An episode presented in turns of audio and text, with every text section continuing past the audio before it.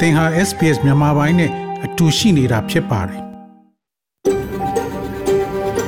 SBS A world of difference. You're with SBS Burmese on mobile, online and on radio. mobile online နဲ့ radio ပေါ်မှာသင်ဟာ SPS မြန်မာပိုင်းနဲ့အတူရှိနေတာဖြစ်ပါတယ်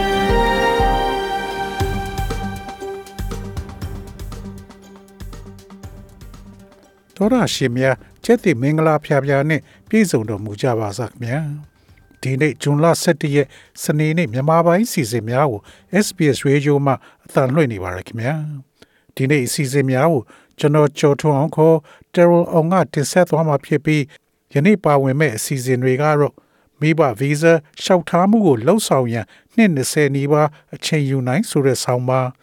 NUG ကိုယ်စားလှယ် ဒေါက်တာထွန်းအောင်ရွှေကဩစတြေးလျအစိုးရသစ်နဲ့ဆက်ဆံရေးအကြောင်းကိုဆွေးနွေးထားတဲ့အခမ်းကဏ္ဍနဲ့တန်ရွေခက်ကပေးပို့ထားတဲ့အနာဂတ်ကိုပေါင်းခုပေးဖို့ကြိုးစားနေရစေအွန်လိုင်းပညာရေးဆိုတဲ့သတင်းဆောင်ပါတို့ဖြစ်ပါတယ်။ဒီနေ့ကောင်းကြီးပိုင်းသတင်းတွေကတော့နိုင်ငံခြားရေးဝန်ကြီးပန်နီဝွန်ကဩစတြေးလျစီးပွားရှင်ကို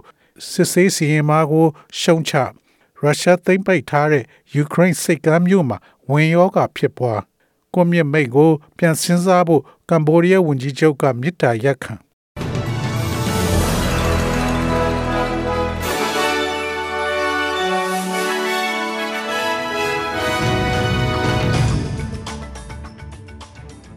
ယခုချိန်ကစပြီးသတင်းများကိုကျွန်တော်ကြော်ထုတ်အောင်ကစတင်ဖတ်ကြားပါတော့မယ်။နိုင်ငံခြားရေးဝန်ကြီးပန်နီဝွန်ကဩစတြေးလျစီးပွားပညာရှင်ကိုစစ်ဆေးစီရင်မှာကိုရှုတ်ချ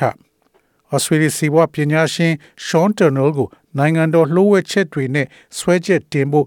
စစ်အာဏာရှင်အုပ်ချုပ်နေတဲ့မြန်မာနိုင်ငံကတရားရုံးရဲ့ဆုံးဖြတ်ချက်ကိုဖက်ဒရယ်အစိုးရကပယ်ချကြောင်းနိုင်ငံခြားရေးဝန်ကြီးပန်နီဝွန်ကပြောဆိုလိုက်ပါတယ်။နိုင်ငံခြားရေးဝန်ကြီးဟာပါမောက္ခဒန်နယ်ရဲ့အကျိုးစီးပွားနဲ့တာယာဝပြောရေးအတွက်ဆက်လက်ထောက်ခံအားပေးသွားမှာဖြစ်ပြီး၎င်းရဲ့မိသားစုနဲ့ဘေးကင်းစွာ ပြန်လာခြင်းအထိရပ်တမှာမဟုတ်ကြောင်းပြောကြားပါတယ်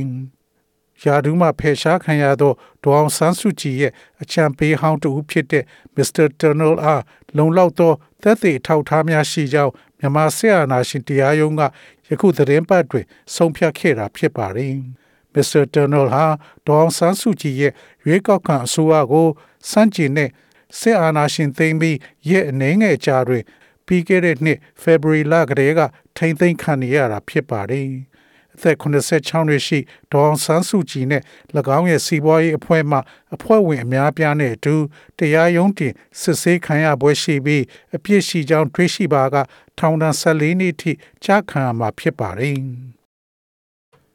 ရုရှားသိမ်းပိုက်ထားတဲ့ယူကရိန်းစိတ်ကမ်းမြို့မှာကာလဝင်ရောဂါဖြစ်ပွား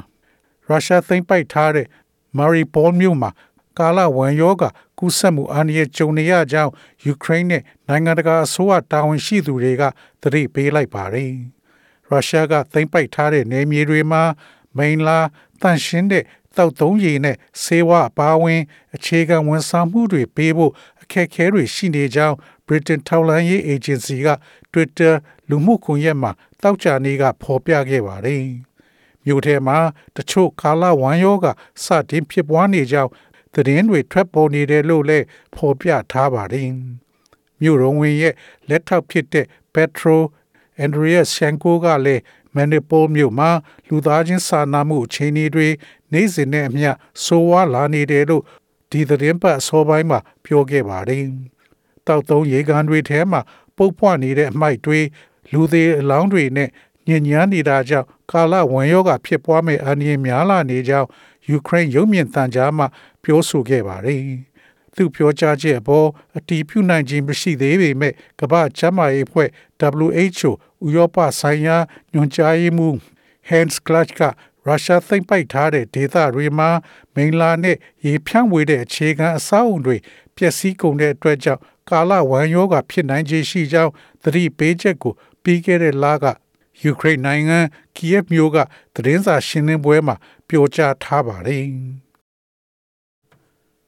ကွန်မြတ်မိတ်ပြန်စင်းစားဖို့စစ်ကောင်းဆောင်ကိုကမ်ဘောဒီးယားဝန်ကြီးချုပ်မြစ်တာရက်ခံ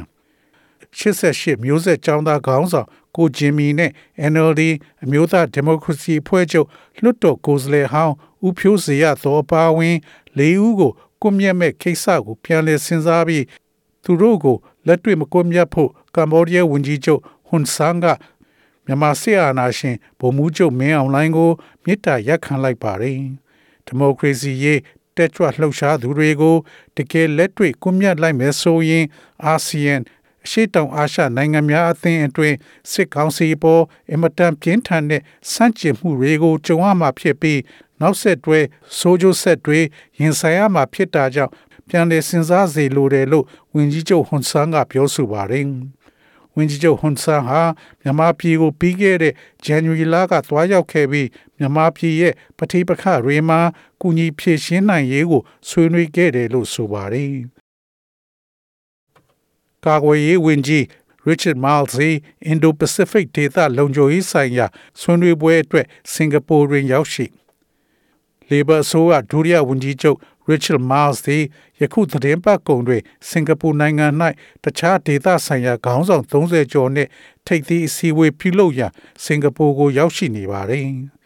19 Shangri-La Dialogue တွင်ကာကွယ်ရေးဝန်ကြီးအဖြစ်၎င်းရဲ့ပထမဆုံးပြည်ပထိတွေ့ဆက်ဆံမှုပင်ဖြစ်ပါတယ်။ထိတ်တန့်အဆင့်ဆွေးနွေးပွဲများသည်ဒေသတွင်ရင်ဆိုင်နေရသော လုံခြုံရေးဆိုင်ရာစိန်ခေါ်မှုများနှင့်ပတ်သက်၍ဆွေးနွေးကြရန်ရှိပါတယ်။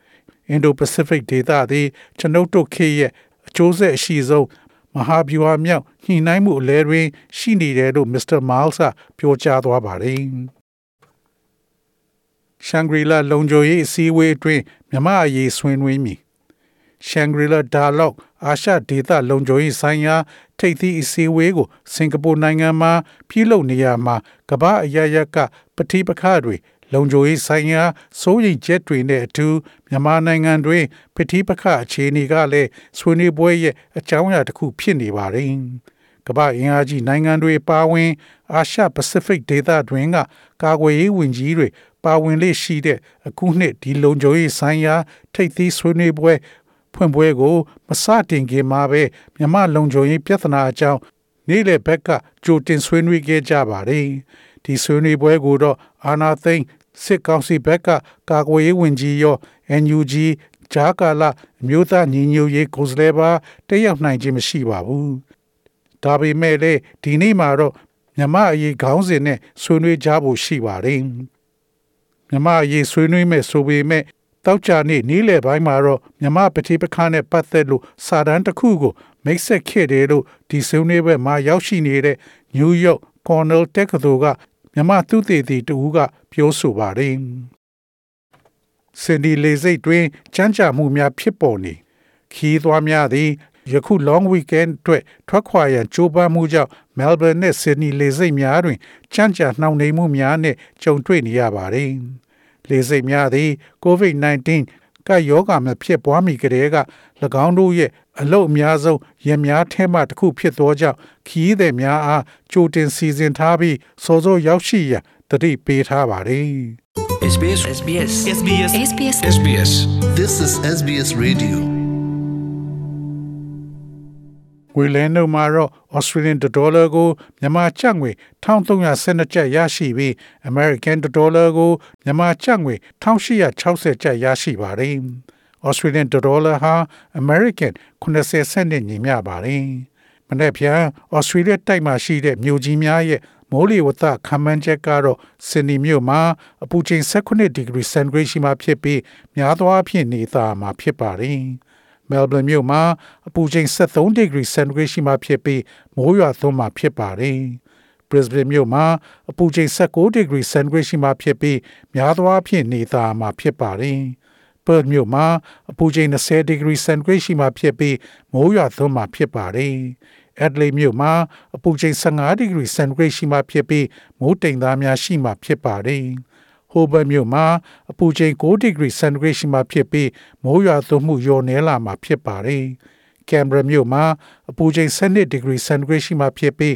မိုးတိမ်သားများအနည်းငယ်ရှိမှဖြစ်ပါတယ်။ဒါဝင်မြို့မှာအပူချိန်31ဒီဂရီစင်တီဂရိတ်ရှိမှဖြစ်ပြီး နေသာမှာဖြစ်ပါတယ်။ဤတွင်သတင်းများကိုကြီးညာလို့ပြီးပါပြီခင်ဗျာ။